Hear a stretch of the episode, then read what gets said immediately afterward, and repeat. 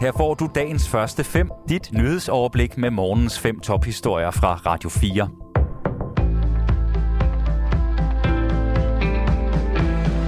Det er torsdag den 3. november. Mit navn er Asbjørn Møller.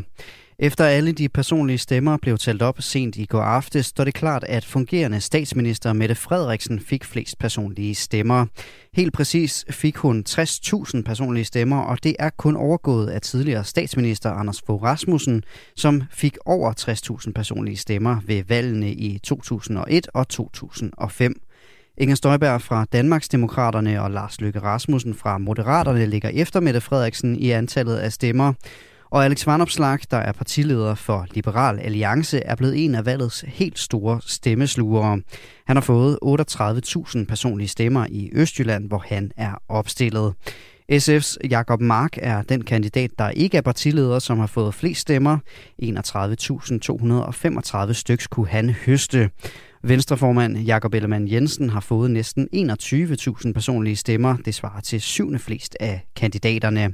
Og selvom Socialdemokratiet kan fejre fremgang, og der er et flertal blandt partierne, der peger på statsminister Mette Frederiksen, så er der mindre at juble over for en række socialdemokratiske ministre, når de læser deres personlige stemmetal.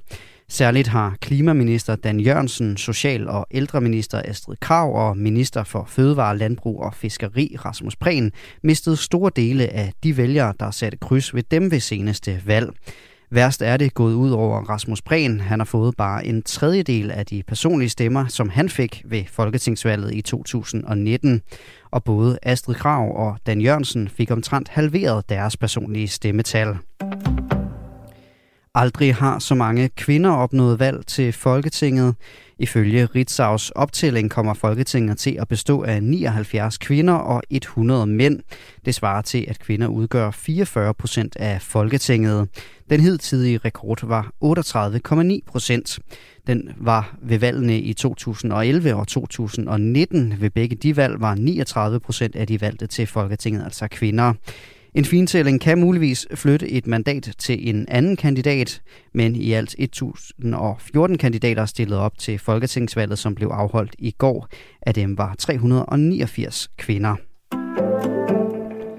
I den nordjyske landsby Gøl er Socialdemokratiet endt som det klart største parti efter valget, det skriver Jyllandsposten. Landsbyen har været en central del af det danske minkerhverv. I 2020 lå der hele 39 minkfarme i byen. Derfor var et af, spørgsmålet, et af spørgsmålene forud for valget om byens indbyggere havde mistet tiltroen til S-regeringen, der stod i spidsen for beslutningen om at lukke landets minkfarme. Sådan gik det dog ikke. Socialdemokratiet endte med 30,9 procent af stemmerne, hvilket gør dem til det største parti i byen, efterfulgt af Danmarksdemokraterne, som 19,6 procent af landsbyens indbyggere satte deres kryds ved. Dermed er Socialdemokratiet gået bare 2,3 procent tilbage i gøl siden valget i 2019. Et politisk flertal indgik i foråret 2021 en aftale om et rammebeløb på mellem 16 og 19 milliarder kroner i kompensation til minkavlere og følgeerhverv.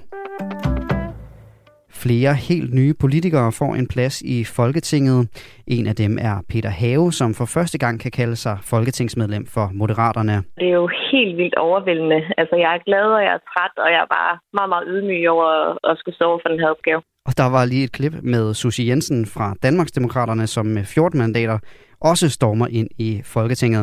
Her får du lov til at høre Peter Have jeg har lært så mange ting igennem mit liv, og, og tre uddannelser, og har lært at drive virksomhed i 21 år, så nu kan jeg vel også godt gå i lære som politiker. Det skal ikke være det helt store problem. Susie Jensen, som du hørte først, er datter af den tidligere DF-politiker Søren Espersen. Han blev i går også valgt til Folketinget for Danmarksdemokraterne. Et nordkoreansk missil fik torsdag morgen lokal tid i Japans myndigheder til at advare befolkningen om at søge dækning. De japanske myndigheder mistænkte, at det nordkoreanske missil fløj over landet, men det viste sig senere at være forkert, det skriver nyhedsbyrået Reuters. Den japanske regering siger dog med sikkerhed, at Nordkorea torsdag morgen lokaltid affyrede adskillige ballistiske missiler, hvoraf et af dem altså udløste en alarm blandt beboere i det centrale og nordlige Japan. Indbyggerne fik afbrudt deres tv-programmer og fik i stedet en advarsel om at søge i ly eller blive inden døre, det skriver nyhedsbyrået AFP. Dagens første fem er tilbage igen i morgen tidlig. Hvis du har brug for en nyhedsopdatering inden da, kan du altid fange os i radioen, på nettet og i vores app. Vi høres ved til dagens første fem fra Radio 4.